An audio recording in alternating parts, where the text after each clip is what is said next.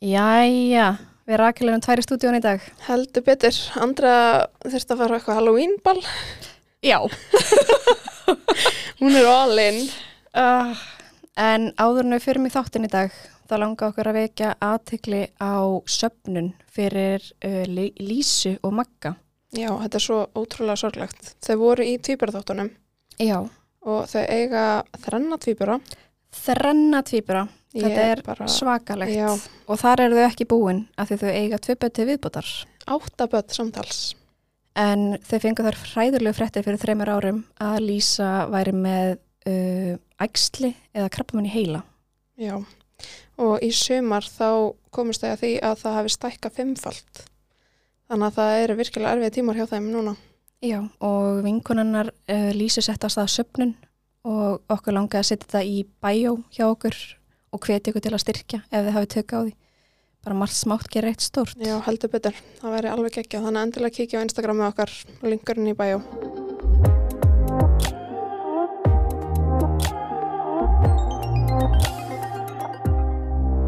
En dagskráin okkar breytist aðeins í dag. Já. Eh, Þarna, þeir sem ætla að koma til ykkur í dag eru lasnir. Því miður. Þannig að við þurftum að finna einhvern annan til að hlaupa í skarðið og við sendum á frænguna Rakelar. Já, við sendum á frænku mína, hún Ardís Anna, hún er þingmaður. Gáum henni sko mjög stuttan fyrirvara. Já, bara þryggja tíma fyrir að vera eitthvað, nei, ég veit ekki. Sendi henni í dag bara þegar ég í vinnunni og hérna, mér stæla bara magna hún hafi getað stokkið til. Já, við erum að tala um er einstæði sko. Já, með tvö börn, þingmaður, En við erum svo skemmtilegar þannig að hann kom til okkar. já, nokkvæmlega. En hún er líka með auper. Já, og það sem að við ætlum að ræða sem þetta eru auper. Mm Við sem sagt settum inn hann að spurningabóks um daginn.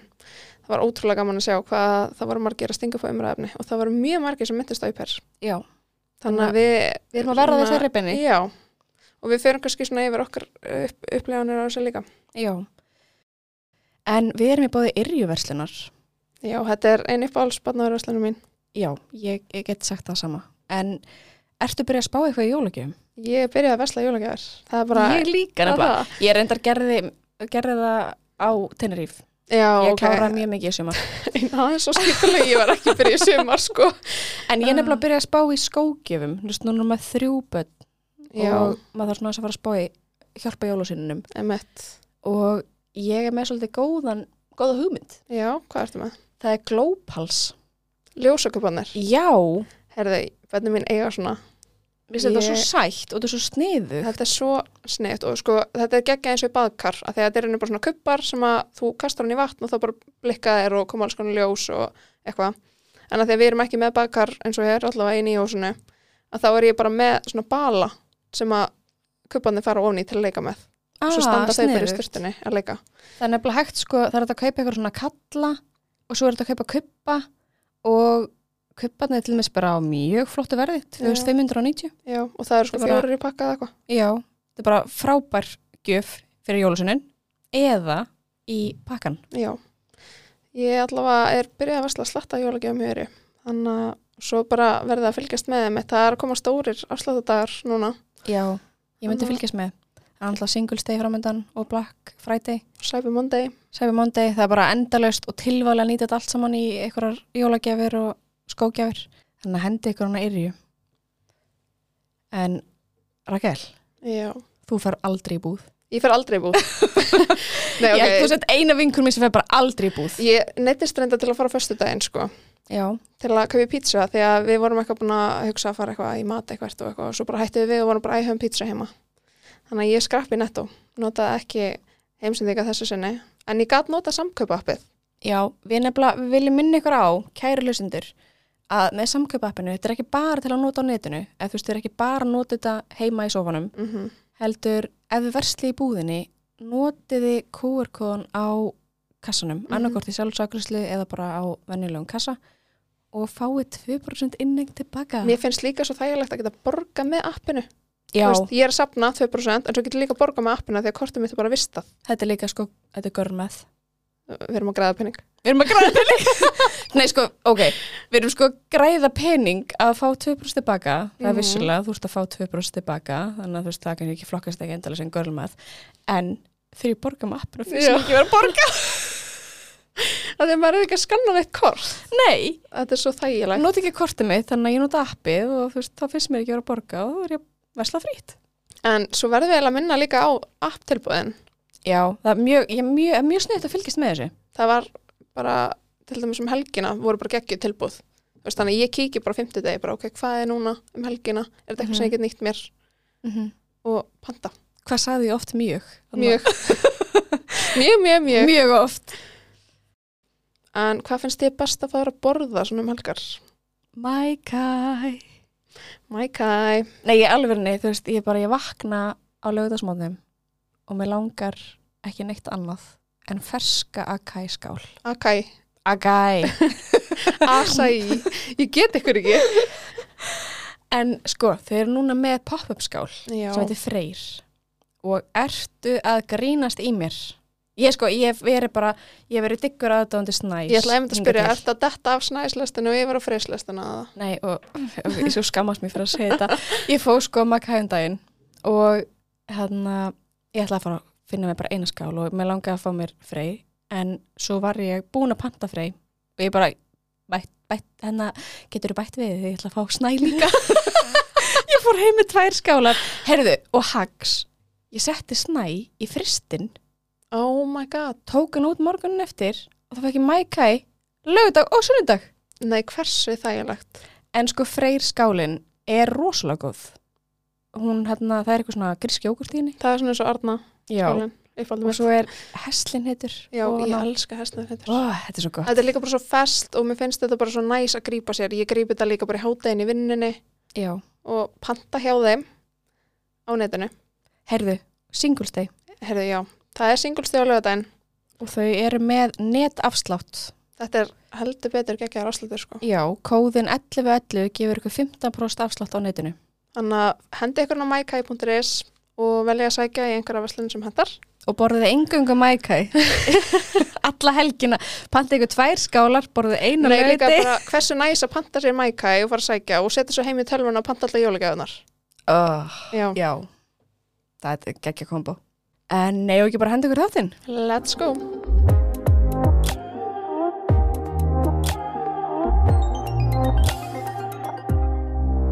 Jæja, velkomin til ykkur í stúdíóið. Takk fyrir. Ætli kannski byrja að kynna það eins. Ég heiti Arndís Anna Kristínardóttir Gunnarsdóttir. Uh, ég er lagfrængur og þingmaður eins og staðan er. Ég uh, hef verið með auper síðan ég kom heim til Íslands eftir þryggjára döl í Fraklandi árið 2020 og þá var ég þess að ég kem heim og er þá með eins árs gamalt bann sem er fætt í Fraklandi og á franskan pappa. Í upphafi var hugmyndin svo með því að fá auper uh, að fá einhvern sem að væri uh, með frönsku á móðumáli til þess er að viðhalda tungumálinu hjá barninu. Ah, Það sniðut. er ótrúlega snett. Já, það er mjög sniðut. Af því að ég, þó að ég sé alveg farin að tala frönsku þá er hún kannski ekki alveg á því level að ég geti trist í barn á, á máltökuski heiði sem að fara að eitthvað að njóta gósa því. Þannig að það byrjaði þannig. Þá er ég í rauninni bara uh, starfaði ég sem lögfræðingur hjá Rauðakrósunum og með svona eðlilegan vinni tíma ef svo maður segja. en svo gerist það nú tiltölulega skömmu síðar að ég ákveða hérna að fara í frambóð. Og þá uh, byrja ég reynda að starfa sjálfstætt sem lögmaður og svo uh, kemst ég inn á þing bara strax, haustu 2021 og þá var það nú bara orðið óhjókvæmilegt að vera með auper. Ég er Já. þess að ein með tvö börn, 16 ára og núna 4 ára og uh, það sem að vinnu tíminn á, á alþingi er þannig hjá okkur þingmönnum að ég veit ekki á mótnana hvort ég kem heim í kvöldmatt þá er ekki nóg að hafa einhverja tiltaka barnabíu eða svoleiðis vegna þess að ég get ekki vita nema með kannski kortis fyrirvara hvenær ég er að fara heim. Mm. Þannig að ég held ég frá, áfram að vera með auper og ekki það að þetta líka bara venst mjög vel. Ég get bara orðað þannig. Það er Já, ótrúlega næs að að, hérna, koma alltaf heim og dótið er í dótakörfinni og það er búið upp, þetta er best í heimi. Ég tengi. Þetta er svo mikill lifesaver. já, Og bara, að, þú veist, að það sé einhver annar líka hjálpa manni með heimilið. Þú veist, þegar maður er svona bugar með að lítið börn. já. Og það þarf ekkert mikið til. Nei, það þarf ekki með þetta einhver sem bara týnir sem að dótið og svo reyndar uh, það er búið oft um rúmi hjá mér sem að það er, þurfu ekki að gera það gera það og hérna og svona þessir litlu hlutir og sopa gólfið þetta, bara þetta sko fannst mér breyta öllu. En svo uh, hafa það nú allar nema tvær uh, síðan þvottin uh, það er svona svolítið misjamt mér er þvott allir mér, ég er búin að vera með þetta alltaf margar. Ég ætla að, að spyrja hvert er búin að vera með margar. Og mörg til þess að vera með strák. Ok. uh, á þessum þó ekki lengri tíma þá hef ég verið með daldi mörg vegna þess að ég er alltaf með frá Fraklandi og það er sem sagt uh, frá Evrópu. Og þau sem að koma frá Evrópuríkjum þau geta náttúrulega bara komið, þau geta bara stokkið upp í næstu vél og komið ynga en þau geta líka bara farið. Já, einmitt. og þau gjarnan það er, sko, það er sjálfgeft að, að þau séu að leita að ársdöl Mhm. uh, þannig að þetta hef, hafa verið sko lengst 7-8 mánuðir. Og stist var ég með einn bara í mánuð. Vá.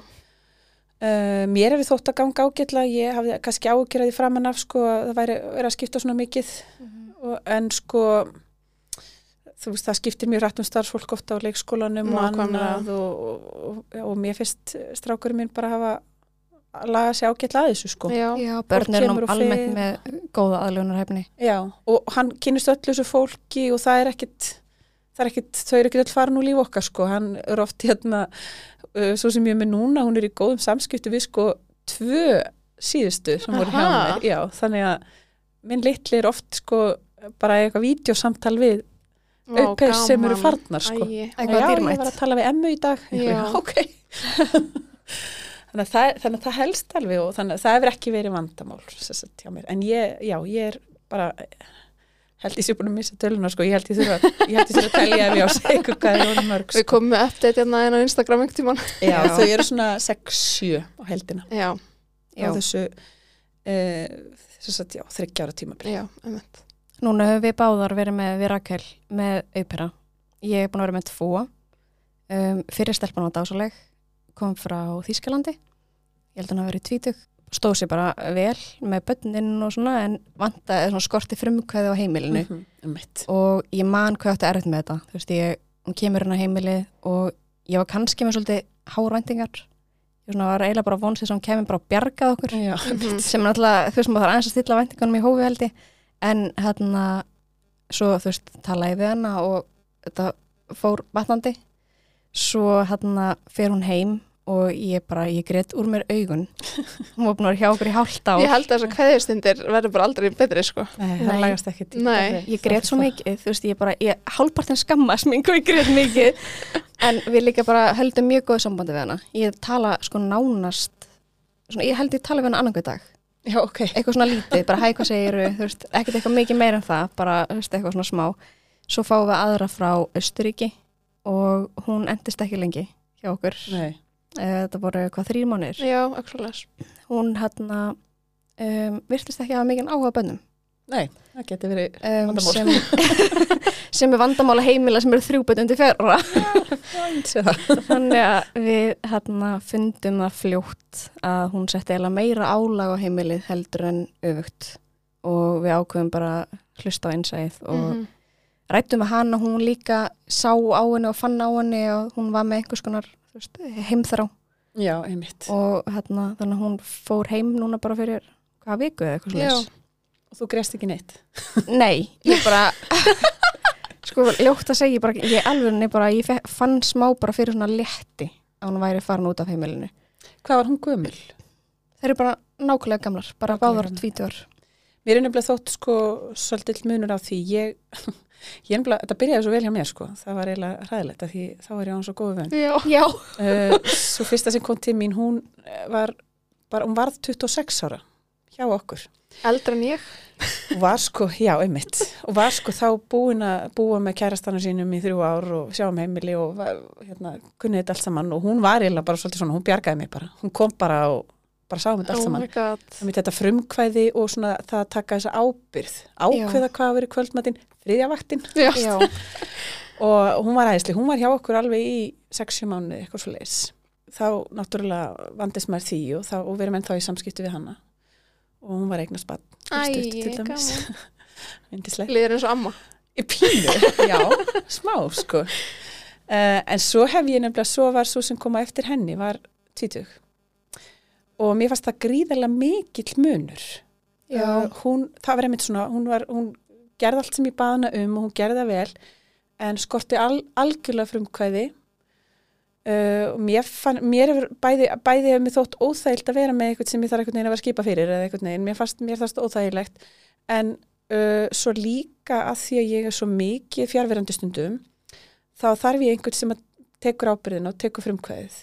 Einmitt ákveð hvað á að vera kvöldmattinn Mhm, mhm. og svona þetta og mér hefur þótt þar muna bara á 20 og 22 Já. Já, ok. þannig að ég út af þessu þá í dag fer ég ekki undir 22 Ég Vá. sko, þegar ég ræði við þessa sem að var hjá okkur áður fyrr, sem að ég var mjög ána með, um, þegar hún var ekki sína frumkvæði, þá settist ég niður með henni, ég rætti við henni, ég sagði við henni, sko, ég vil ekki þurfa að byggja þau um að gera alla hluti sem er auglust og þú þurfur að gera.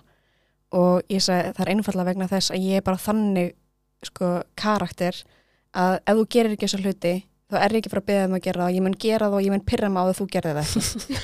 Veist, ég bara, ég er svo leis, það er bara bara, silent treatment. Já, bara smá svoleiðis, þú veist, ég, og hún, svona, hún fattaði hvað ég var að meina, veist, ég á ekki þurfa að byggja um það ef eldur svo að kolfi, ég á ekki þurfa að benda þér á það, bara alls konar svona hlutir og hún ekkert þá kveiknaði bara okkur peru og það breytist allt. einmitt. En ég passaði svo mikið upp á það þegar ég reði þessa setni að ég spurði hana sko í þaula bara, sínur er frumkveði og hún bara, já, ég geri það, ég bara, ok, frábært, þú veist, svo kemur hún og sínir ekki einmitt, Þannig að ég myndi að segja sko frumkvæði fyrir mitt leiti Mhm. er mjög mikilvægur eiginleiki. einmitt. Ég held að þetta sé kannski misjandi eftir í hvernig einmitt heimilisaldi er og hvernig Mhm. svona hvað það er sem að fólk, að því fólk hefur mismjöndi ástæður fyrir því að það leitar að upp er sko. Uh, á meðan sko ég held til dæmis að ég byrði þau um að gera minna af heimilisverkum heldur en gerðnan týðkast en að móti fer ég fram á þetta. Uh, en sko mér finnst það líka svolítið snúast um þetta valdajafvægi það er náttúrulega alltaf ákveði valda ójafvægi náttúrulega með einstakling sem er að vinna hjá þér. En þannig að mér er alltaf þótt þetta sko óþægilegt. Sko ef ég er að fara einhvern veginn að skipa þeim fyrir þá verður til einhver svona yfirmanns, undirmanns fílingur Mhm. Ég er sammála þarna. Ég var svo mikið að passa þetta. Já, maður langar til þess að þetta sé bara við búum saman en auðvitað er það viðkvæmt og það er erfitt vegna þess að vitanlega er manneskjan komin enna til þess aðstóða en ég held að þetta líkið til þetta sem þú nefnir að tala saman Mhm. og uh, ég segja sama alltaf þegar það hefur komið eitthvað upp þá virkar alltaf að bara setjast niður og tala um það og ég byrja alltaf á að spurja þau hvernig líð þér uh, er eitthvað sem að þér finnst uh, of erfitt og of mikið eða leiðist þér? Hvernig, finn, hvernig er þú upplifið þetta? Og ef þú ættir að breyta einhverju einu hvað væri það? Og eitthvað svona. Og þá er auðveldara, þá kannski kemur það líka upp. Þá einmitt segið þau kannski, já. Ég veit ekki alveg hvað ég á að vera að gera. Að þá getur maður færið bara inn í þetta sko Mér fannst svo góða punktur sem að þú gafst mér á en ég fekk mína fyrsta uppér var að taka svona vikulega sunnudagsfundi. Já. Já. Og Rakel er mitt komið að beinti Já. mín og ég tók það Þú veist, af því að skiljanlega maður er endalist með þessu börn og það er alltaf eitthvað brjálega að gera og þær eru ekki að fara að koma að herða afsakið. Hérna, Nei. mér finnst ekki alveg, þú veist, þær eru bara ekki að fara að gera það. nei Þannig að maður þarf bara að setjast niður með þeim og ræða hlutina. akkurat í svona dagsins amstri þá er maður ekkert að tækla þetta og ég vildi heldur ekki að það væri svona herði við þurfum að ræða saman. Mm hérna, Nei, þú það var ekki að ert vera vitlaust eitthvað alvarlegu nótum, sko. Nei, já. þá er ég- meira bara svona, við erum að taka stöðuna þér og eitthvað svona og svo já, heyrðu, það væri kannski fínt og þið gerir þetta, þetta er eitthvað sem þið finnst að ég gera öðruvísi og annað. Og ef maður gerir þetta bara reglulega þá er það einmitt sko ekkit af einhverju tilefni. Það er ekki einhver skammarfundur og þetta geta að taka fólk að teppi eða neitt slíkt þannig að það, ég samla því að mér hefur, mér hefur þótt að ganga betur Mhm. en svo er þau svo ólík sko, ég eh, verið líka með eina sem að var bara eitthvað hún sagði, ég læti bara vita ef það er eitthvað að Já, Já. bara þannig karakter. Já, og bara mjög opinn og svona þannig en, en maður getur kannski ekki gengið út frá því það er almennt fólk og, þann, og oft er þetta stundum þannig að maður er svona kannski jafnvel að taka auka álingin á heimili sko, Já, Mhm. Með þeim, með kostum og göllum sem því- fylgja sko en þetta hefur mér þótt vera alveg bara leikilatrið og bjarga alveg ótrúlegustu vandamálma því oftast er það er það, það sem að veldur þessu er uh, ólíkar væntingar uh, og líka bara, hvað við segja skortur á upplýsingum um það hvað, Já. hversu væntum og hvað við Ég, vonast ég til og endaði á að stilla upp svona smá plaggi. Var það ekki sem ég sendi þér sem ég fekk frá var var það það? Ég held það. Ég Já, svona eitthvað svona yfirlit, já. já. Yfir húsverkin Já. og ég bara, þú veist, ég eitthvað breytti og bætti við og aðlega okkar heimil og okkur svona og enda á sko, prenti þetta út og plasta og setja í ískapin og ég sagði bara, þú veist, þetta er bara, mér finnst gott að vinna eftir þessu sjálf og ég sagði bara, þið megi vinna eftir þessu, þurfi ekki að gera það en það er alveg fínt fyrir ykkur að leysa þetta yfir þannig að þið gera ykkur grein fyrir hvað ég ætlast til af ykkur Já. og hérna báðar voru mjög þakkláttar fyrir þetta og fannst mjög gott að hafa einhvern veginn svona smá ramma Mhm. af því að það er bara hvorugar gera þessu grein fyrir bara nákvæmlega hvað ég vildi fá frá Mhm. þeim og hérna, En það er það svo misjönd. já, þannig að mjög ég mæli með því að gera svona En lista. ég er núna aðeins að pæla bara því ég er búin að spyrja því svo mikið að við spólum bara alveg tilbaka. Því ég man að ég var bara lost í upphafi. Bara Mhm. hvar finn ég upphör? Akkurat. Uh, ég, mitt, ég nefnilega lærði þetta allt the hard way. Já. Þannig að mér er ekki mjög gaman að deila svona, hvað segja, niðurstöðinni. Við fórum síðan the easy way Fengum allt frá þér sem er kannski ekki alveg til þetta er alltaf svona alltaf, Þetta er alltaf prósess áskorun sko. Já, En uh, ég hef fundið mín flest á aupairworld.com. Uh, það er eina svona virka og góða miðlunin sem að ég hef fundið. Þetta er ekki miðlun, þetta er ekki fyrirtæki sem finnur fólk fyrir mann og hefur milligöngu. Heldur er þetta bara síða. Þetta er bara eins og hérna, bara eitthvað pennaveina síðan líka við sko. Maður kaupir aðgang uh, en hann er algjörlega þess virði. Hann er ekkit mjög dýr. Þetta er, ég man ekki hvað þetta er, eitthvað 30 eurur á mánuði svo getur maður, ég kefti bara ásáskrift tiltölulega fljótlega Já. sem er þá alveg einhver 15 áskall en yfir árið er það ekki mikið og svo er maður náttúrulega líka, þetta er ferli yfir höfuð. Mm Þannig að í stóra samminginu er það alls ekki mikið og er þess verði. Ég mæli með þessari síðu.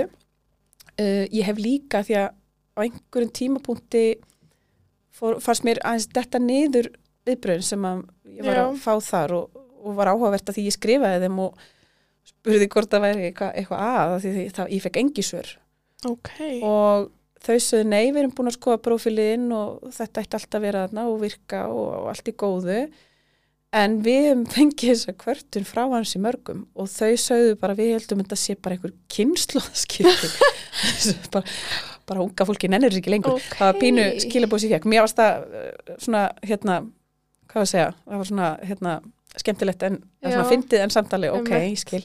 En þá hef ég, ég hef fundið líka stundum fólk, eh, reyndar kemur það yfirleitt í styttri tíma á síðu sem heitir Workaway. Já. uh, það er fólk sem er að leita alls konar verkefnum og það er jafnvel að leita að vinnu á, á bóndabíli eða hitt og þetta uh, og það er hægt að auglýsa þar eftir einstaklingi til þess að uh, aðstofa við, við, með börn og aðstofa með húsverk og annað Mhm. slíkt það er aðeins minna, minni rammu utanum það, enda er það fólk á öllum aldri Já. uh, svo hef ég fundið á Facebook Mhm. alls konar Facebook hópar og, en mér hefur, alltaf þótt best að fara í gegnum Aupair World bara í rauninni finn þá prófíla þar sem er nóg af upplýsingum Einmitt.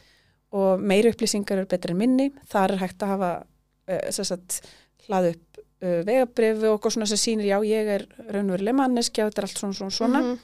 en svo auðvitað algjörlega algjörlega áfrávíkjanlegt að eiga þetta vídeosamtal Já, við einstakling áður en lengra er ég er farið mjög sko. sammála En með eins og til dæmis verkefnalistan, þá sendi ég hann, ég sendi hann áður en Mhm. fólk samþykir, svo Mhm. að það viti að hverju það gengur. Þannig að ég hef fundið flest mín á Aupair World, það er frá öllum löndum heims, þar. Uh, ég, eins og ég segi, hef alltaf verið að, tak, alltaf tekið fólki frá Fraklandi. Og Mhm. Það er náttúrulega í Evrópu, sem er langt um einfaldara. Það er í rauninni ekkert ferli til þess að þau geti fengið dvalarleifi og annað slikt hér á landi. Þau geta bara, fólk frá Evrópu, það hefur veist, öllum ESB-ríkjum og síðan Sviss og Liechtenstein, Noregi og Íslandi, uh, meiga koma engað Já. og bara byrja að vinna og gera það sem þeim sýnist að hans að spyrja konga eða brest. Uh, þau eiga strámt til tekið að skrá sig hjá þjóðskrá og það er nóg að gera það eftir að þau eru komin en það er ekki, sko, það hefur engin áhrif, þau þurfa ekki að skrá sig til þess að meiga vera þeirna. Sérst, réttur þeirra til þess að vera á Íslandi er óháður skráningunni. Einmitt. Mhm. Það snýst meira um það að hérna, þjóðskrá vil vita hverju búa hérna, sko Já, nákvæmlega.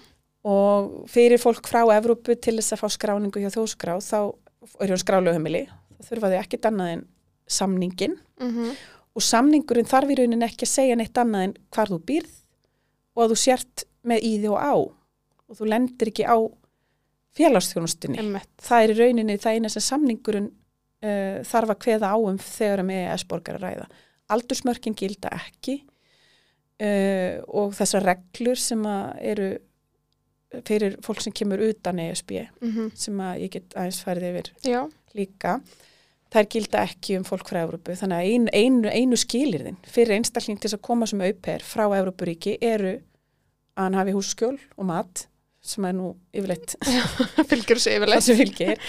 uh, þau eru að vera með vegabref og sjúkratryggingu og Mhm. sjúkratryggingin uh, það nægir þetta evróska sjúkratryggingarkort sem að þau eiga, sem allar Evrópubúar eiga geta fengið bara með því að óska eftir því hjá Já. sínum heilbreyðsvildum. Þetta Einmitt. nægir til þess að fá skrálegu heimili fyrir einstakling frá ES-ríki. En mjög fyndi, ég, þú veist, núna eru báðar mínar frá Evrópu og hvorug þeirra, þú veist, ég, þegar ég var að tala við þær og segði við þær, þú veist, það voru báðar spáitryggingum og ég sagði, já, þau þurfi bara evróska sjúkratryggingakortið og þær eru báðar bara, hvað er það? Já, Og ég sendiði mynd, ég bara, eru þið alveg ekki með þetta? Það er bara, ég veit ekki hvað þetta er, ég aldrei sé þetta, ég er bara, ok, en þið getur fengið þetta mjög auðvitað og svo kom maður inga, báðað með þetta kort, ógislega ánar, bara, ég treyð, ég bara æði. Ég held að sé að fólk sem ferðast ekki mikið, sko. Já, það þær ferðast vera. hvorar. Nei, Mhm. þá þarf þetta náttúrulega ekkert, sko. Þurfa þetta ekkert í sínu heimaríki, sko. Mhm. En þetta er að svona einfalt og sama, sko, tímamörkin líka, uh, þau eiga ekki við um Evrópabúa. Þau geta í rauninni mættu verja æfinni hérna sem Já. auðpeðir hjá manni, sko. Mm Þetta er Eh, mjög algengum miskælingur. Maður ofta sjá eitthvað svona spurningar inn á Facebook-hópum og svona Já, varandi bara, ó, ég er að samta samningi minn til útlendingastofnunar, -hmm. hvað tekur þetta langan tíma, eitthvað. En þú veist, þeim er bara komið næstu vel. já. Og vandamáli er það að, sko, útlendingastofnun sérstaklega hos sumrin, sem ég held að sé oft þegar fólk er að ganga frá Mhm. mm fyrir veturinn, er með mikið aflýsinga fólki á hana, með fullt af fólki sem hefur bara, því mér ekki alveg næja þekkingu á í rauninni því hvaða réttindi EES-borgar Já. hafa, vegna þess að það, EES-borgar, fólk frá Európaríkjum þarf ekkit að ræða við útlendingastofnun, bara ekki um neitt, sko.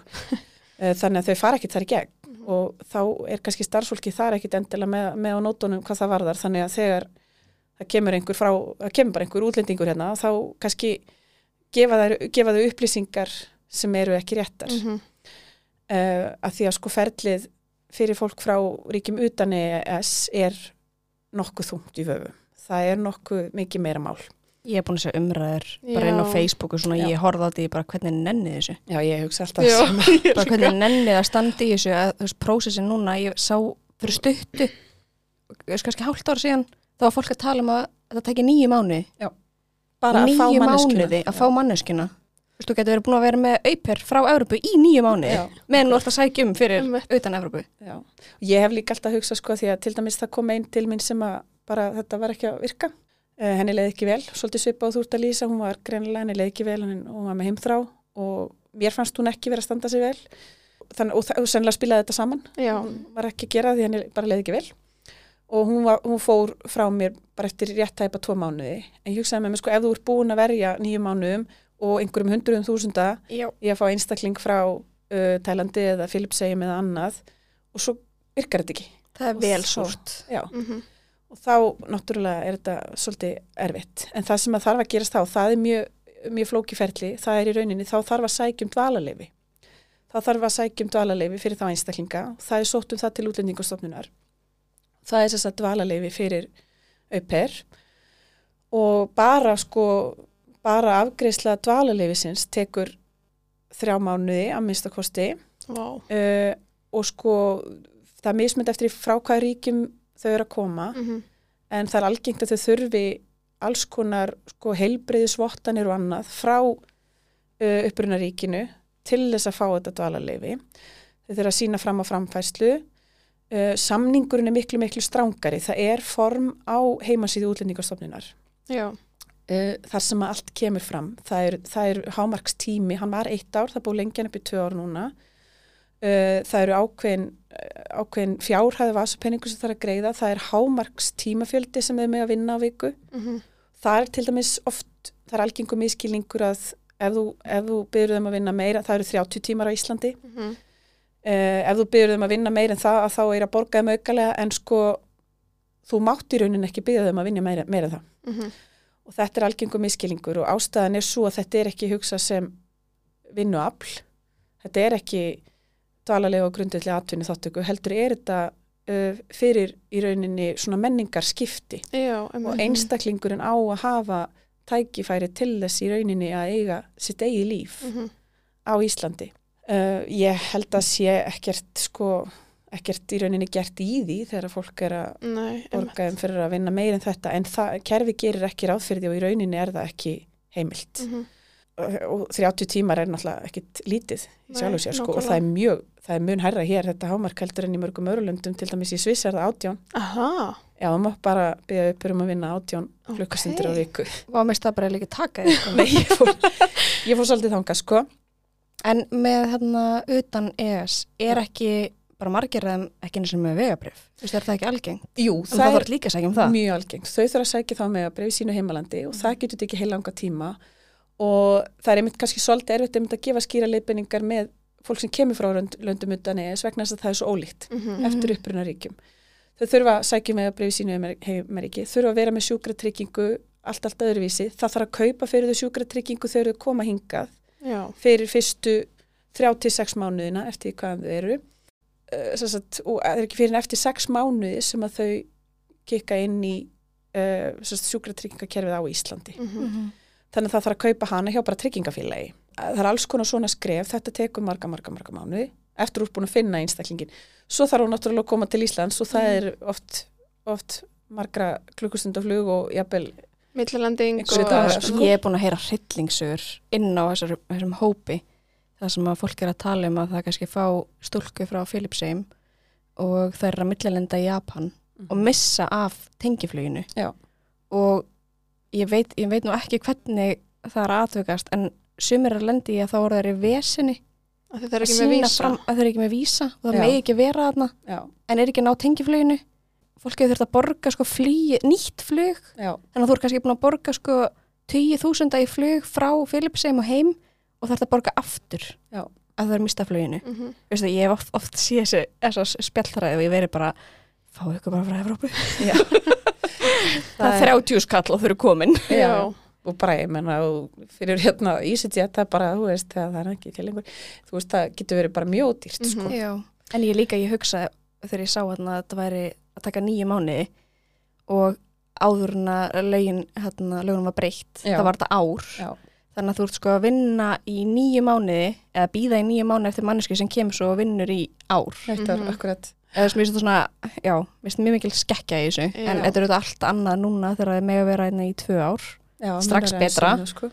en eftir sem að það er mikil, mikil undirbúningur Það er mikill undirbúningur. Sko það sem að mér hefur líka þótt svona ja, önnur ástæði fyrir því að ég síður vilja fara út fyrir, út fyrir Európu. Ég náttúrulega er alltaf að hugsa með þessa frönsku kunnáttu en það eru alveg fleiri ríki þar sem að fólk talar frönsku. Það er Kanada og Ímis Afrikuríki þar sem að fólk talar frönsku að móðumáli. Ég veit ekki hvort að fólk átti sér almennilega á þegar þú ert komið komið þá stöður einstaklingu sem að fær dvalarleifi út á það að vera auper hjá þér Mhm. þá er þessi einstaklingur og hans dvöl á Íslandi algjörlega háður þér og þínu vilja. Og þetta skapar valda ójafvægi sem að mér þætti mjög óþægilegt. já, Uh, ég er ekki vissum að fólk gerir sér alltaf grein fyrir hversu mikið valda ójafvægi þetta er. Þú er gerna með einstaklinga í talnum ekki með að koma frá eins og Filip segir með Tælandi eða þar að sko þá eru þau kannski búa við talsverða fátækt þar Mhm. eða við aðstæður sem eru talsvert verri heldur en hér og vilja gjarnan gera það sem þau geta til þess að vera hér og þá vissulega er líklara, sannarlega er þetta einstaklingu sem er að fara að vinna hans í hörðum höndum. Já, en það er þetta valda ójabægi sem að mér persónulega þætti mjög þægilegt já, og er erfitt að sko eitthvað að koma í veg fyrir. Þú veist, það er ekkit, það er engum að kenna sko, það er ekkit að fólk sé eitthvað að misnota það eða annars líkt að bara það skapast sjálfkrafa af þessari, þessari stöðu sem er Mhm. það að einstaklingurinn er algjörlega háður þér. Mhm. Já, ég hef hugsað það þegar fólk talar um að þarna, fólk utan ES sé svo hardworking. Og ég oft hu- ve- veist, velti fyrir mig bara ok, það er, það er ástæði fyrir því. Já, já. Mhm. það er að þau eru að koma allt, allt öðruvísi aðstæðum, þau búa ekki við sömu sko, lífskeiðu og við. Svo heyrir maður líka bara af mörgum sem er að vinna mjög mikið aukalega og senda pening heim og verða Já. pínu bara svona þrælar fjölskyldunar heima. Já, ég sá umræðum mjög þetta um daginn. Ég, ég fekk alveg bara smá illt í hjarta, sko. Já.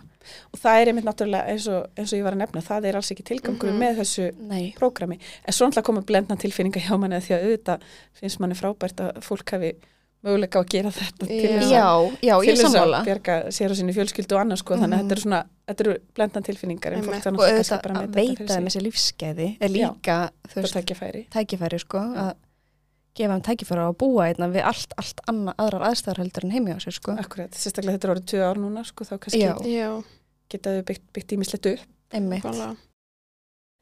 En svo er það White Noise og þau voru að fá nýtt tæki sem heitir Pink Noise. Uh, þetta er svipað og White Noise með fleiri fítusum og það er dýbra hljóð í Mhm. Pink Noise heldur en í White Noise og ég er vægasast spennt að prófa þetta tæki. Ég er sjúklega spennt, mér líka svo geggja að það er náttljós og rattupptaka og það er bæðið þetta Pink Noise og. Já, Þetta er svona all in one. Já, þannig að þetta tæki Noise einmitt á okkar heimili er í sko stansleysu nótkun. En með kóðunum undir mannar fáið þið 15% afslátt af tækinu og af Cupid í köpnum Hjálpaturni og kittiköttir. Og White Noise tæki. Já, vá. whitenose.is sko. En það er Singles Day á lögðaðin og það verður alltaf 50% afsláttur hjá Whitenose. Já, sæl. Þannig að afsláttukóðan okkar gildir ekki ofan á þann afslátt en endilega kíkja inn á Whitenose á Singles Day og græði einhverjar jólagjafir eða Whitenose tæki fyrir betra söfn fyrir betin eitthvað kannski. Frábær hugmynd. en ég, þegar ég uh, er að velja þá er ég alveg búin að læra það að maður á alltaf að fylgja tilfinningunni. Mm -hmm. bara þetta gut feeling er það sem að gildir. Já. sko, eitt einhvern tíðan fjórum mánuðum í að reyna að finna, að finna næstu og alveg tók við til hinn og þennan og fór vel yfir umsóknir og svona ætlaði nú bara alls ekki að láta þetta klikka. Uh, það var svo sem var einn og hálf mánuður og hún Ok. í rauninni bara fór heim. Og sko þá fór, hún fór í rauninni bara í skyndi, hún sagði bara ég bara ætla heim. Og ég sagði bara já ok, það er sjálfsögur þeirra fært. Og hún sagði ég, ég skal vera í, skal vera í viku í viðbútt þannig að þú getur fundið einhvern, þannig að ég Mhm. hefði viku. Heila viku. heila viku til þess að finna mannesku var mjög heppin reyndar. Fer hann inn á Aper World kaupi aðgang aftur og einhverju paniki fyrir að skoða eitthvað. Fæ allt í einu skilabúð frá einni sem er bara, herði ég ég bara ákvað að kíkja á þetta og mér leist vel á profilinn og hérna ég er bara búin í skólanum og get bara komið. Oh my god. og ég hugsaði með mér, já, ok og hún var svona rosa, rosa, rosa sæt og rosa svona gla- glaðlind og svona pínu, pínu barnaleg. Mm þannig ég hefði svona áhugjur, ég alveg, ó nei. En nú var bara eitthvað svo rosa til í þetta og við tókum viðtali og hún alveg, já, ekkert mál og ekkert mál og allt ekkert mál. Og eitthvað svona. Og hún var bara komin næsta lögadag, Vá. það var bara, ég fann hana á innan við viku. Ekki að það liði sérst fjóru dag, sérst hinn fór og svo kom þessi bara -hmm. nokkru dögum setna og hún var hjá okkur í sjömánuði Oh og hún alveg svoleiðis brilleraði og elskaði Ísland og henni fannst aldrei neitt vera neitt mál. Sko svo sem að var á undan henni ég var búin að taka af henni rosa marga skildur af því að ég var að reyna að leta undir með henni. Mm -hmm. og ég var búin að segja ok, þú ert ekkert að sjá um þóttin þú ert ekkert að kaupa inn, ég skal bara sjá um það. Ef þú bara uh, týnur upp dótið, sópa gólfið og passa barnið veist, Mhm. sækir að leikskólan eitthvað. En svo þannig að þegar þessi kemur uh, þessi nýja, bara kom í skyndi þá sagði ég henni, já þú þarft ekkert að gera nema þetta og þetta, hún var svona skrítin bara, já ok ok, hvað hva er að gera? Já, hún, ég fann það bara strax að hún hafði bara mestar ágjur að sé myndi leiðast. Og þetta fór alveg út í já ég meina, þú veist, ef þú vilt þá, þú sem, þú veist, allt í lægi og svo bara fer þótturinn og þú sér sjálfur og, og ískapurinn að fyllast að sjálf sér, þú veist, bara mjölkin að vaksa í ískapnum, þetta bara og það fannst henni þetta bara einhvern veginn ekkert mál Einmitt. á meðan kannski einhverju annari fannst þetta mjög mikið mál Já. þannig að það er líka bara einstaklingsbundi en það er þessi tilfinning bara eitthvað, já, verður hún við bara líst vel á hana og, það, og svona einhvern veginn við vorum að bonda, Já, er og vorum að segja brandara og eitthvað svona, það var eitthvað svona Já. tenging þarna skipti miklu meira máli heldur en sko einhver prófíl og einhver, einhver boks sem að maður tikkaði í sko. Við vorum sko ótrúlega heppin með fyrstu okkar. Ég, ég hérna, var á Íprarvöld og var alveg bara, "Ah, enginn að senda mér skilabóð og eitthvað og svo bara glemdi ég að kíkja nokkra daga, sá skilabóð frá einni, hún bara, hæ, ég er á Íslandi. Bara, veist, og ég skoði prófílinn og hún var bara svona ótrúlega aktív. Ég, ég hef bara svona, mér er þótt að mjög mikilvægt að fyrir aktífara þegar við erum með mörglítið börn, þannig að þetta er alveg mjög græðandi. og hérna, hún kom bara og kíkti heimsók til okkar og ég fann það bara strax, bara hún og Benni bara smullir strax saman og það var svo þægilegt að eiga samskipti við hana og hún bara, ég alveg bara, við erum til að fá þig þú lætur okkur vita, hún bara, ég kem. Bara strax, Emmitt, það er svo bara er bara tenging. komin viku setna Já. hún var sko æðisleg þú veist, ég held að mun enginn topa hana sko. Nei, ég, þú veist, það með engi toppana hún var Bara- sko æðisleg og stór fyrðuleg á sama tíma. Já, já. Það er, bara, hún var ég sé dásamleg fylgni þar líka. já, já, bara 100% ég verði eiginlega að segja frá því. Já, mátt gera. Hann að hún notar ekki skó. Hæ?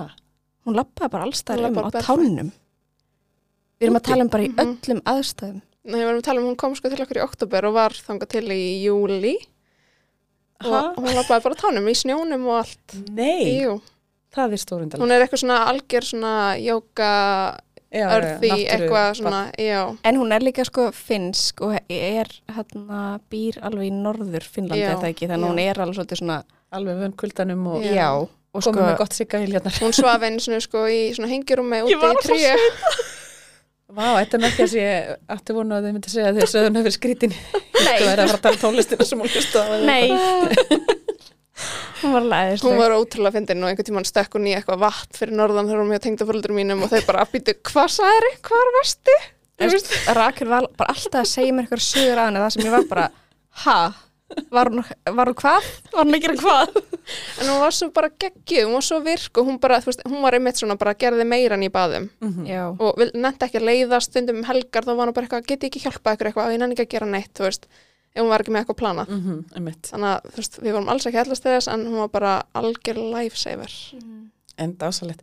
Ég veit sko þau, sem, þau síðustu sem ég verið með, ég, sko það sem ég ekki farin að gera líka núna, e- eitt ráð annað sko, e, það er að þegar ég er svona búin að velja eða kannski með tvo kandidata eða eitthvað svo leis, þá e, býð ég þeim að tala við já, fyrir já, auper við gerum það með líka. Við líka. Og það bæði fyrir þau að geta, ég segi þá getur þú spurt allar spurninga mm og feimin og fengi sko upplifun einhvers utanakomandi á Íslandi og á okkur, svona Mhm. hversu fyrirlega bara við mjög erum. hreinskilin eins og er. Já, og svo get ég, lí- get, ég líka notað það til þess að, njóstna sko. Þá þekkir, svo sem að var, var á undan hjá mér, þekkir okkur, þekkir mig og svona veit nákvæmlega hversu mikið álæði þetta er og annað sko, Mhm. og getur þá líst því. Og þetta hefur gefist rosalega vel og núna síðast til dæmis, þá var ég með tvær í huga, önnur sem var svona alvarlega, spurði mikið út í, en mér leist samt vel á hana Mhm. uh, og svo hinn sem var bara, já, ekkert mál, nei, ekkert mál bara allt í góð, nei, og ég er ekki með einu spurningar. Ég er bara, ég er bara til. Og ég var svona hikandi, ég alveg, veit hún hvað hún er að koma sér út í? En ég baði þess að þá sem að var að fara um að tala við það báðar. Mhm. hún sagði með þess alvarlega, hún sagði ég held hún mun ekki ráða við þetta. Þó að hún hefði fyrir mér virkað einhvern veginn þroskaðri og hún var aðeins eldri og svona hún sagði ég held að sko sonur þinn, hann er mjög orkumikill og hann, þú veist, það þarf að vera hægt að laupa eftir húnum og hann getur alveg, það þarf að vera svolítið svona Á það þarf tánum. ramma og ég er, ég veit, ekki, veit ekki með hann og ég var svolítið hissa sko, en svo talaði hún við hinna hún sagði bara, hún er bara æðisleg hún er bara frábær, eh, hún er mikla reynsla að vinna með börnum uh, hún bara, og sko sagði bara það, ég held að hún sé rétti kandidatin og ég sagði bara með mér, ok fylgju því bara, Mhm. og hún bara kom og er æðisleg, Æ, og það er bara aftur einmitt, hún er alltaf búið um rúmið mitt. Já, mín gera hún á líka. ekki á ekki að búið um rúmið mitt en gera það bara og, og eitthvað svona sko og hérna, það er eitt sem að mér aðstæði mitt áhvert þegar ég var að lesa, ég las allar reglunar hjá útlendingastofnun og svona þegar ég var að byrja að það sem að má láta þau gera Mhm. það má ekki byggja þau um að þrýfa í búðina hátt og látt sko Mhm. Uh, en það má uh, byggja um að sérst, sinna svona dælir, dælir tiltekt og jú, halda gólfinu reynu og svona og Mhm. eldúsið og leikvöng og eitthvað svona það má aldrei byggja um að þrýfa klósitið Ok, hún er sérlega að hlusta og það má ekki byggja þau um að búa um rúmið fullorina nei, einmitt. það má Nei. byggja þau um að búa um rúm barnana Barnana, en ekki fullorina Mhm. og ég er alltaf rosa meðvitt um þetta þannig að þegar hún er að búa um rúmið mitt þá er alltaf að já, en sko, Máttu þetta ekki? já, nei, hættu en Ég- þú veist, bara henni leiðist hann ég er enda mjög meðvitum, ég hef ekkert sett svona, svona prinsipreglunar gagvart mínum var bara, það snýst um börnin. Akkurat, Mhm. Þú veist, þú ert, að, að, þú ert auka hendur gagvart börnunum, Já. þannig að þú veist, þú ert ekki að búa um okkar rúm, þú ert að búa um kannski rúmin þeirra. Akkurat, það er og náttúrulega þú veist, þú ert að hjálpa okkur með krakkana en hérna, ekki þjónustu Nei, nei, fólk já. en sko báðar sem ég hef fengið hafa, er báðar verið mjög duglega með heimilið. Jafnvel þó að maður hafa svona skort frumkvæði til að byrja með okkur svona. En ég leitar vita, þú veist ég er ekki að ætlast til þess að þessi að sko þrýfa heimili hátt og látt en þessi sem var, ég, ég var svo dásamleg, var svo dásamleg hún hérna sagði við mig, ég er hérna til að hjálpa ykkur. Þetta er það sem hjálpar ykkur. Já, og það er að þrýfa heimilið. Og við erum að tala um hún tók gluggana hátt og látt utan á, veist, í alvörinu hún var svo dugleg. Og hún tók í alvörinu sturtana með tannbusta. Oh my god. Vá. og hún sko, hún elskaði pink scrub. Það er fæst ekki í Þískalandi og hérna hún bara áttu pink ég alveg já. Oh, má ég nota það, ég alveg já og svo sé ég, já, svo sé ég hana bara fjórum í sturtinu með tannbusta. Ég bara, hvað er það að gera? hún bara, ég elska að þrýfa ég bara, oh, match made in Já, heaven ég man af hún var alltaf bara, sko. hún elskaði að laga til. Hún bara mista gaman að laga til að þrýfa Já, það var bara svona, eins og fyrir mig á henni eftir krakkana, það var þrif svona sónátt fyrir mig. Ég bara, ég elska að þrýfa, ég elska að hafa hreint heimi á mér og hún er bara nákvæmlega saman típa. Já, einmitt. Ég Og- tengi alveg við þetta, sko. Ég væri svona líka í Já. þæru upp, sko. Þú veist, hún var oft löngu búin að vinna og hún var bara að þrýfa og ég bara, herri, þú ert löngu búin að vinna, þú ert löngu komin við tíman í henni og þú átti ekki að vera að vinna. Hún bara, nei, nei, nei, ekkert mál, mista ekkert mál, mista bara gaman, ég er bara með podcast í eyrunum og ég er bara að njóta. Þannig í styrstubandinum. Já, með tannbustum styrstubáðunum. Ég var einmitt, sko, þessi sem að komi mitt á eftir þessari sem að fannst þetta allt svo rosalega erfitt. Uh, svo svo svakalega dugleg. Hún uh, tók í gegn, hérna, mataskápana. Og hérna, Geggjað. Tupperware bóksin og lokin hérna, já, skiplaði það allt saman, hún spurði mig, "Ma- er í lægi að ég, hérna, endur skipilegi hérna, ég segi bara, já, já, alveg, bara eins og þú vilt, sko. Svo bara kem ég heim og það er bara allt, alveg bara, oh alveg í rauður öklu, sko, þá er mitt bara leitist henni, sko. Mhm. Já. Ekki það, hún, ég sannarlega neitt hann allir svo tellið það inn í tímana sína, sko, en, en, en hún Einmitt. bara gerði það því að hann að langaði að gera það og, og fast þetta allt í einhverju klassuðna hjá mér.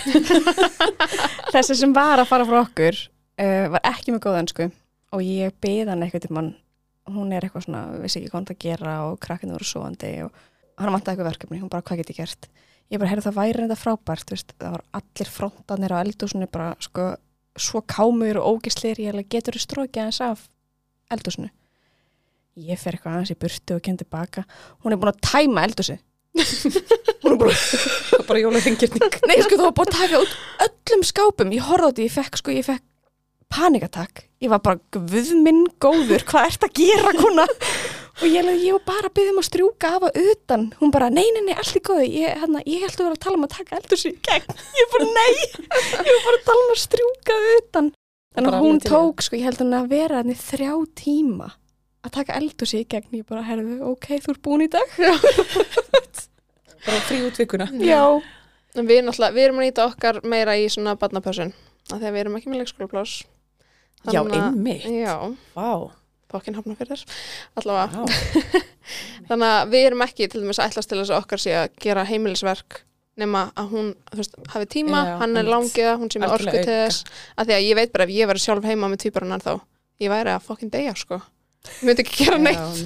þannig að þú veist, við gerum bara skipulega eftir því með þessari, en náttúrulega svo sem var fyrir með okkur, eða hjá okkur, hún var með mér heima fyrstu Já, og þá var einmitt. meira svona, æ, getur þau þvottin, æ, getur þú veist, eitthvað svona. Já, ég allavega sko persónulega, ég vildi fá auper til þess að geta eitt meiri tíma með bennunum mínu. mm Akkurat. Þannig að, sko, að þær báðar hafi verið tilbúin til að taka bolta varandi heimilið fannst mér æðislegt. Akkurat. En hérna, Það þurfa ekki að vera stóri boltar. nei, þú veist, ég alveg er bara ganga frá í eldúsinu eða eitthvað bara geðvikt. Mhm. Mér finnst þetta með leikvangin í ég Já. bara, Já, þetta Oh. bara breytir lífi mín. ángríns Ekki stíða neinar leikvangkupa lengur. Já.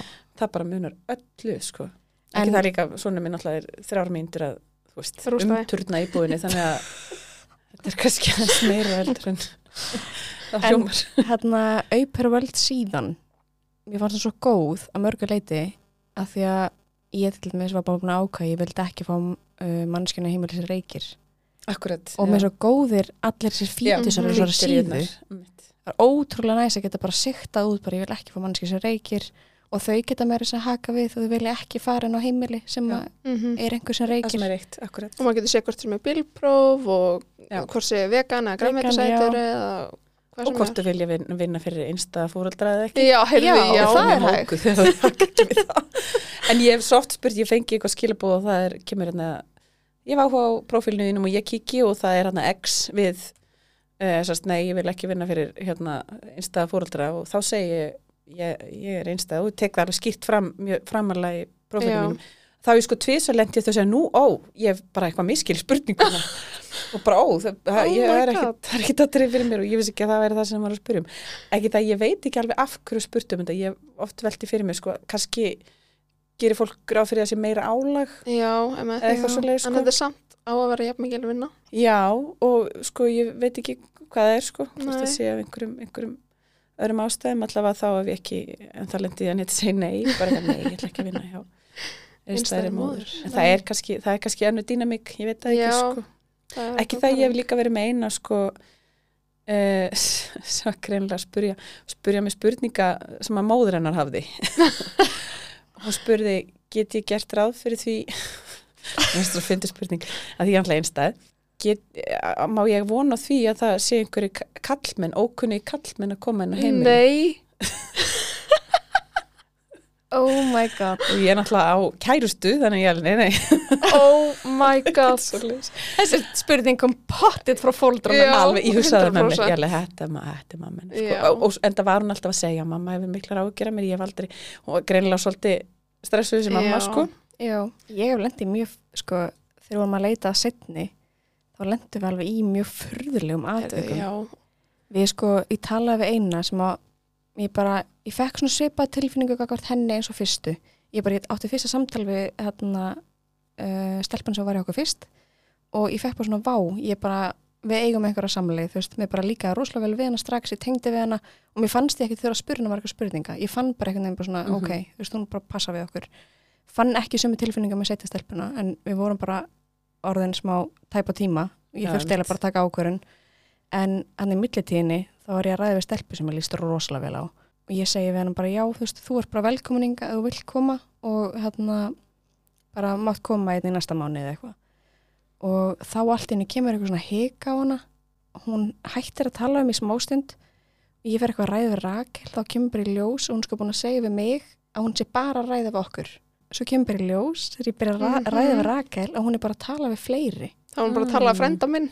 og hún er líka búin að segja við hann að Hún sé bara að tala er sér bara að tala við hann svo er ég eitthvað svona að spjalla við hana og þá allt kemur bara í ljós að þessi stúlka er ekki eins og með leifi frá fóröldi sinu til þess að ferðast sem auðvitað. Samt Ég er hún átján, sko. Hún var átján já. ára þannig að hún vissulega mátti ferðast en ég bara, af hverju inn á þessari síðu? Já, Af hverju ertu að eigða tímanum hjá Mhm. öllu þessu fólki? Þú veist, ég var búin að eigða svo miklum tími að tala þessu þetta er stelpu. bara ólingur Já, Já, og mér leist vel á hana. En hérna, og ég hef sko þurft, ég þurfti ekki með fyrir stelpuna, en ég þurfti með setna stelpuna að hérna taka vídeokól við fórölduna. Já, er það? Og ég þurfti með Ég lent í ég var einmitt að fara að spyrja, hefur þú einhvern tíma lendið? Aldrei, en ég Nei. náttúrulega er ekki að fara undir 22 lengur sko. Nei, einmitt. Nei, en þetta var, þetta var mjög, mjög skrítið.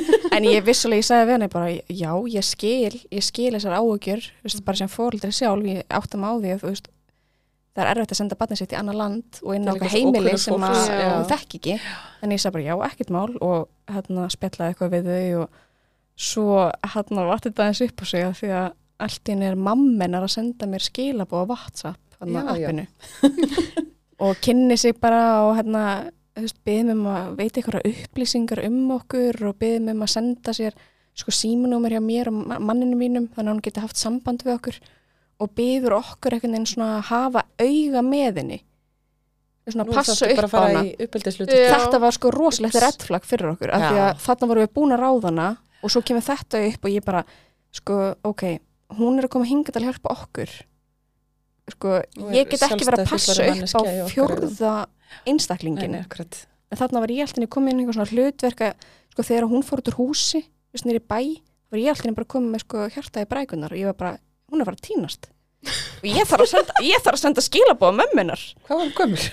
tvítu hún er sko átt árum yngri en ég. Ég var bara, já, herðu ok, ég sendi mömmuna skilabóð hæ, herðu, hún fór út úr húsi í morgun hann hún er farin í bæ. Og mömmuna bara, takk fyrir upplýsingan að þú læt mig vita þegar hún er komin heim. Og ég var bara, hvað er að gerast þetta? Þetta er svo ekki, Það var mjög skrítið. Ég held að ég myndi, nú ég myndi ekki meika þetta.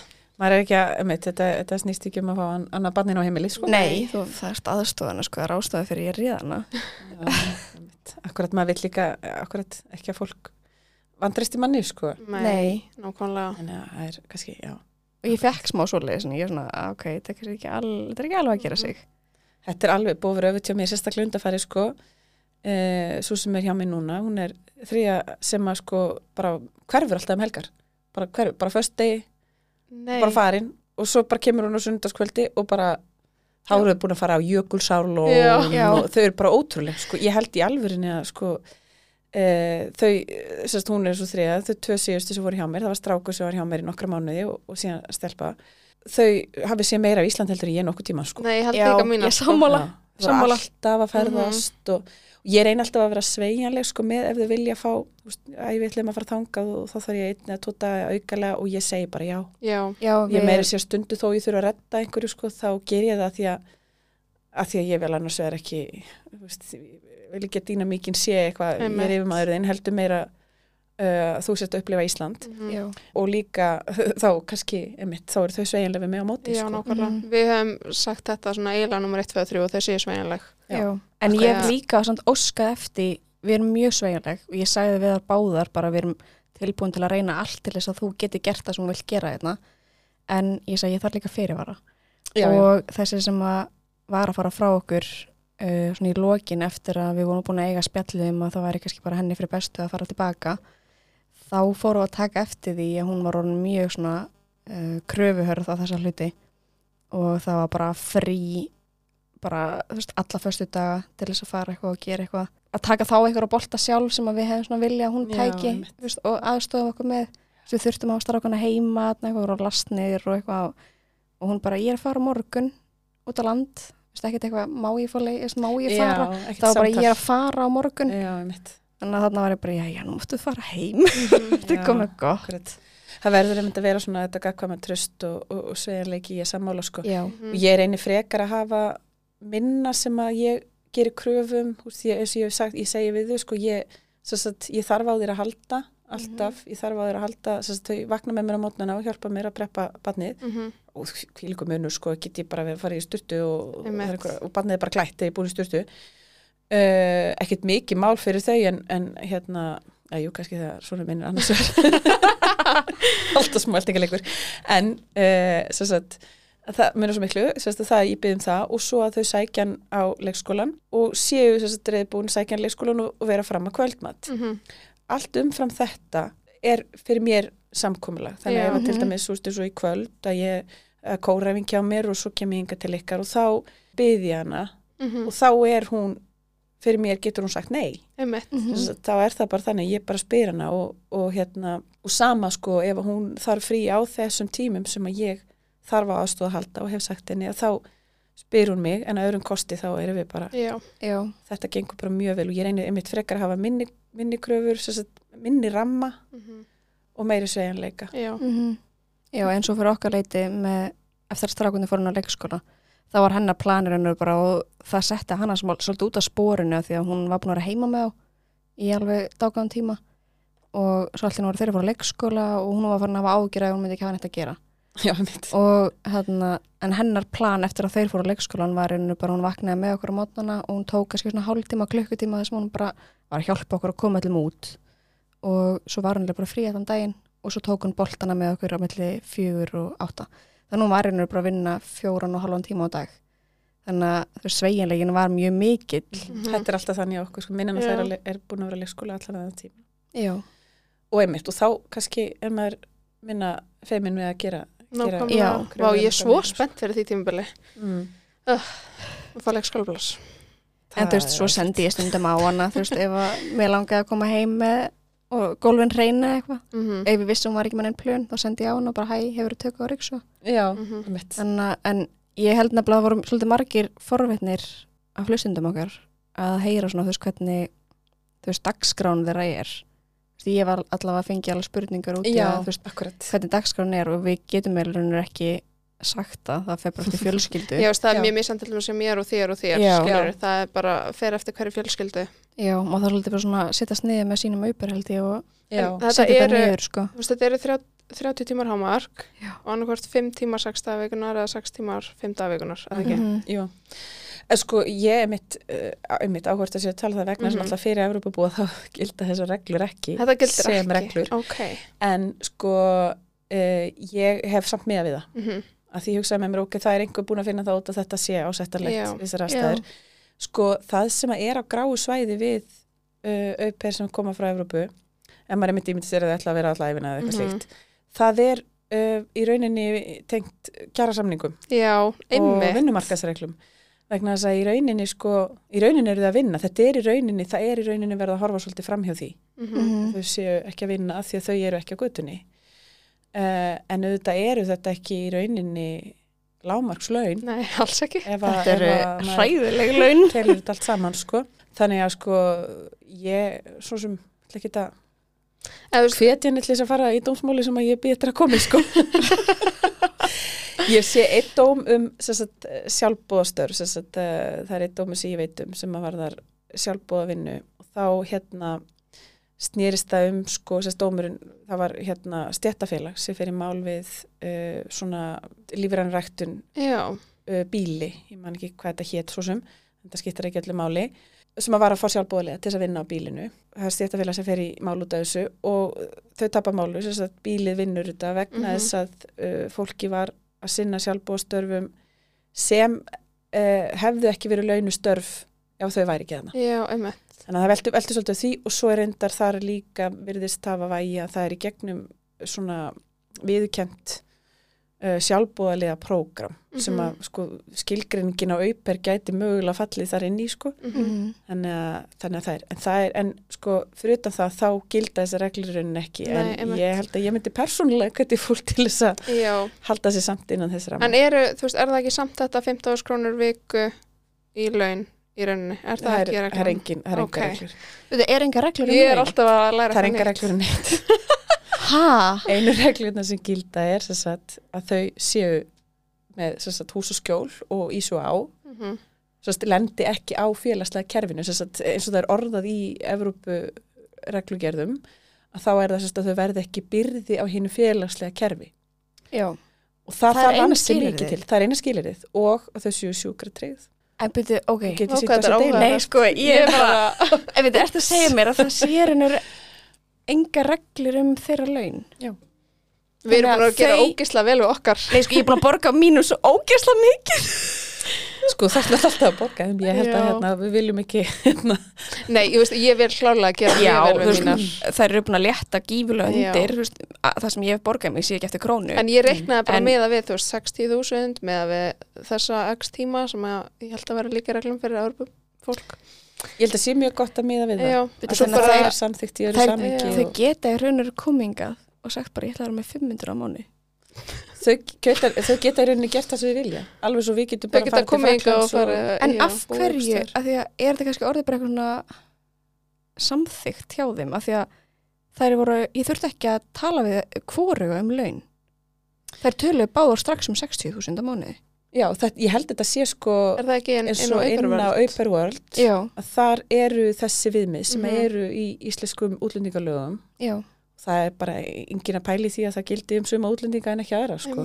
Í rauninni alveg svo það var í rauninni góða aðtöðsend sem ég fekk, það kom kommentarna inn á Mhm. uh, hana já. uh, sem sagt, ég sagði að þessar reglu gildi ekki um ES-borgar og þá er maður sem spyr mig hvar stendur það? það ég er búin að skoða þetta eðublað fyrir hennar samning og það kemur hverki fram og það er bara rosalega góðu punktur í rauninni Mhm. þetta kemur ekkit fram í rauninni eitthvað staðar, nei þetta gildir ekki með ES-borgara Já. þetta er, þetta er í rauninni alveg svona ósagt og einmitt inn á Auper World þar auðvitað þau eru með reglur hinn á þessara landa Mhm. og eðlilegt að þar séu við með þær reglur sem þó gilda Já. Mhm. og það eru náttúrulega bara reglurnar sem gilda en fólk frá utan EES Mhm. Já. þannig að ég held að sé nú eitthvað staðar eitthvað svona kafi að eitthvað staðar á síðunni að innan EES gildi þetta setja þessu öðruvísi en, en ég held að þetta séu svona þau viðmið sem að Já. þetta eru þær upplýsingar sem þau fá sko Ég heyrði þess allavega á mínum, þú veist sem ég hef talað við að þær hafa allar veginn svona gerð sig grein fyrir að launin væri 60.000 Mhm. en við til dæmis sem alltaf borga tölvert yfir þeirri fjárhæð Já. og verið að gera vel við þær með einhverjum svona Já, og- ræktarkortum, eitthvað svona emitt og líka samt, á sama tíma og mér finnst þessi peningur lítill fyrir þær þá verður maður líka samt að hugsa út í að hérna, þau búa fríkt hjá þér Já, þau eru ekki á færa leigumarkaðanum í veist, þau eru ekki að borga neitt leiguhúsnæði og þau eru náttúrulega borgar allan mat undir þau Mhm. þannig að þau eru þurfa ekki að leggja neitt út já, Mhm. þau eru bara að leggja út fyrir upplifun Mhm. Já. og ég veit til þess að báðar mínar hafa bara lifað frekar vel á þessum launum sko. Bara Já, farið í Mín allar alltaf er alltaf að segja alltaf bara, ég spyr hvort að þið viljið fá greitt vikulega eða mánulega, Mhm. alveg sama. já, Já. allar mínar líka ég hef alltaf spurt að bara viltu fá greitt mánalega eða fyrir mánuðin eða eftir mánuðin og það er alltaf bara skiptur ekki máli. Ég er endara með í prófilinu mínum uh, nákvæmlega launin, sérst allt þetta, Já, já, það er sem er bara með þennan samning sem er Já, hérna. já, við mitt sko útfærum líka bara samningin út frá okkur þörfum að því að þú veist, ég náttúrulega fekk samning frá þér og sendi á þig og þú veist ég útfæri bara eins og með tímana Já, og launin og allt þetta bara eftir hvernig við ætlum að hafa það og ég sendi samningin alltaf á þær áður en þær koma. Einmitt, ég gerði það líka. já og ég planið og samning ég og fekk það plan. örgulega ráð frá þér. Já, og ég fekk að að frá þér. að hverju það gengur, sko, Já, og væntingarna séu svona einhvern veginn í takt, sko, nákvæmlega, annars bara lendur maður í vandræðum. emmitt Mhm. Er eitthvað að allt þetta ferli? Ég held ég myndi alltaf, alltaf að segja fyrst og fremst þetta, fylgja tilfinningunni þegar að maður er að fylg, að finna fólk Mhm. og svo tala saman. Flest vandamálinn sem að ég hef séð enn einn á Facebook-grúpunni sem að fólk er að vandrast yfir, það er vegna þess að það er einhver svona feimni við að eiga samtölin Já. Mhm. og það er, og, og svo líka bara að hugsa um þetta, þetta er, þetta er bara manneskja og, sem er að fara að búa inn á manni og svona leifa sér aðeins að, að kynast þeim og leifa sér að svona, uh, upplifa þetta sem einhvers konar jafningasamband. Ég myndi alltaf reyna, ég myndi alltaf ráleika fólki að hugsa það út frá því. Það held ég að gera upplifun allra alltaf betri.